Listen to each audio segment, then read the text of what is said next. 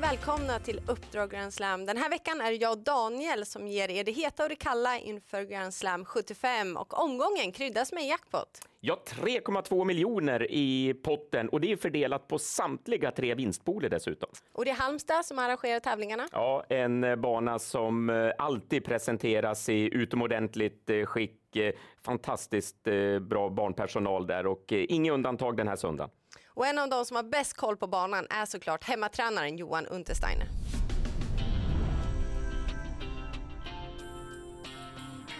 Bankollen i Halmstad Johan, hur, hur, är skillnaden mot att köra i Halmstad när det är vinter mot hur det är att köra sommartid? Ja, det är faktiskt ingen större skillnad. Vi har ju nästan sommar året om tänkte jag säga på i Halmstad. Men, men banmässigt så brukar det vara väldigt, väldigt fint och preparerat och killarna har ju, har ju en förmåga att verkligen få till banan. Och, ja, det är väl kanske därför det är Normalt sett brukar man säga att det är lite lättare att vinna bakifrån eh, just på vintern, men Halmstad banan skulle gissa att det inte är lika lätt för att, för att banan är så, så fin och snabb så att eh, oftast kan man nog vara med i den främre träffen.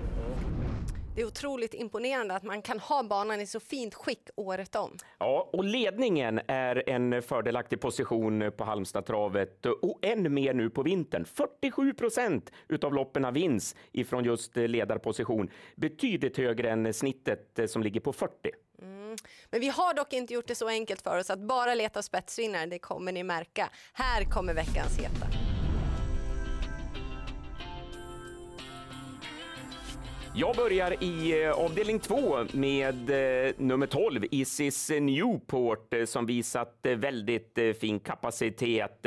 Han besegrade ett tuffare gäng än man ställer sig mot den här gången i den senaste starten. Lägg där till att han står perfekt inne på kronan i den här spårtrappan och dessutom då gynnas av att det inte ens är fullt fält. Mm, Mm, och jag fortsätter prata om den här duon, Wolfgang Nimczyk och Adrian Collini. För den sjätte avdelningen så har de 12 Sangria Pellini till start hon fick chansen för sent näst senast men sköt till bra när luckan kom och följde upp det med en enkel seger senast. Så, trots läget ses som en väldigt bra segerchans. Men Jennifer, den tredje avdelningen, den ser klurig ut. Den är svår, men jag vill verkligen varna för tre I Hope You Dance som är galoppenägen, absolut inte att lita på, men besitter fina fartresurser och verkar trivas med sin kusk eh, Viktor Rosleff. Han vann med honom näst senast och senast så blev det en andra plats efter tidig galopp, så han är farlig felfri. Nummer 12, Legend VS, i den femte avdelningen har vunnit eh, väldigt lätt eh, två gånger på rad. Han är dessutom obesegrad över den här långa distansen och stall Sofia Aronsson, de har inlett eh, året otroligt starkt och det har även kusken André Eklund. Ja, och jag fortsätter med André Eklund, men nu som tränare, för då har han rivstartat året och har 50 i segerprocent och i avslutningen så har han 10 Fan Gills till start som kommer från seger, bevisad toppform och tål att göra jobbet på egen hand. Och då går vi vidare till veckans profil som faktiskt är Sveriges största tränare. Johan Untersteiner, sedan han slog ihop stallet med pappa Peter så har han faktiskt 249 hästar på sin eh, träningslista. Han brukar konstant eh, köra in 15 miljoner till stallet, men det är siffror han kommer att putsa rejält i år. Det tror vi och på söndag så ser man ut sex hästar från stallet på Grand Slam 75.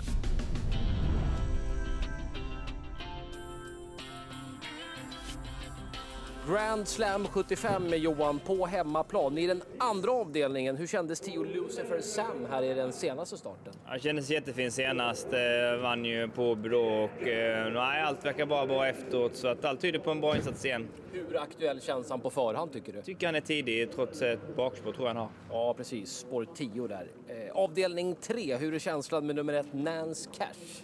Eh, lite otur galopp senast där. Jag tror hon slappnade av när jag skulle backa den från start. Eh, bra läge.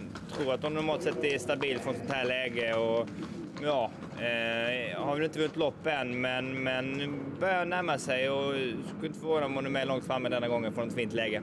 Hur är feelingen i avdelning 4 med nummer 3 Woodbury Wine som fick ett bra spår den här gången? Ja, eh, det fick hon. Och, eh, tror att hon är bra författning. Gjorde faktiskt väldigt snabb avslutning senast. Det är väl distansen denna gången som är ett frågetecken. Eh, en liten chansning på om, det, om hon ska palla med 2,6 men, men, men vi är hemmaplan och det var bara ston, alltså vi, vi, vi provar.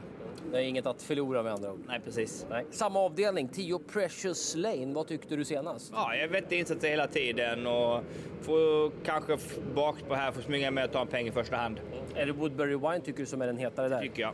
Ja, också i avdelning 5, 9 Exet Diablo. Vad, vad kan du förvänta dig av, av honom? Ja, det är en svår och komplicerad häst. Eh, Rätt så kapabel när han står på, på, på benen och, och travar, men det blir mycket galopp eh, däremellan. Eh, pappa får köra själv och försöka, han brukar reda ut han bäst.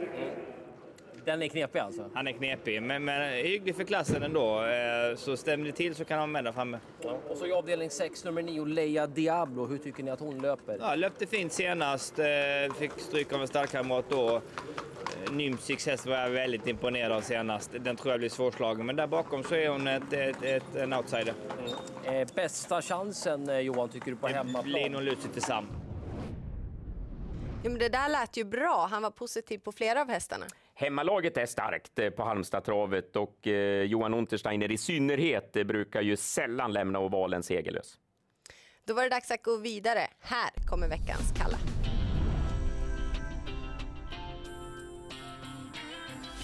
I den första avdelningen så är nummer ett Exclusive Matter startsnabb och har fina förutsättningar med spår 1 över kort distans. Men även om man ändrar till ett helstängt huvudlag den här gången så låter inte tränare Hanna Läderkorpi optimistisk utan tror att han behöver fler lopp i kroppen innan formen infinner sig och han har inte övertygat på slutet. I avdelning 4 så har nummer tre Woodbury Vine bara vunnit lopp med någon form av barfota balans. Kunnat sett lite hetsig ut eh, emellanåt och därför tror jag inte debuten på den långa distansen heller är till hennes fördel. Då var det dags för oss att sammanfatta och statistiken säger att Halmstad är en spetsbana. Ja, och vi har nästan bara lyft fram bakspårshästar. Men det är lopp över lång distans. Det är eh, spårtrappor som inte har fulla fält och dessutom riktigt formstarka hästar som har tjänat mycket pengar i de här spårtrapporna. Så att jag tror inte den här omgången kommer att följa mönstret. Jag instämmer. Det jag tror dock är att Adrian Collina och Wolfgang Nimschu kommer ha en väldigt bra söndag. 12 Sangria Palini i den sjätte avdelningen har dåligt läge men står bra inne i loppet. Och jag kommer att spika nummer 12, Isis Newport, eh, i den andra avdelningen. Blev imponerad av intrycket eh, senast och eh, just eh, det här loppet är ju inte heller fullt. Och sen har vi en eh, rolig jackpot så häng med oss på söndag och ett stort lycka till.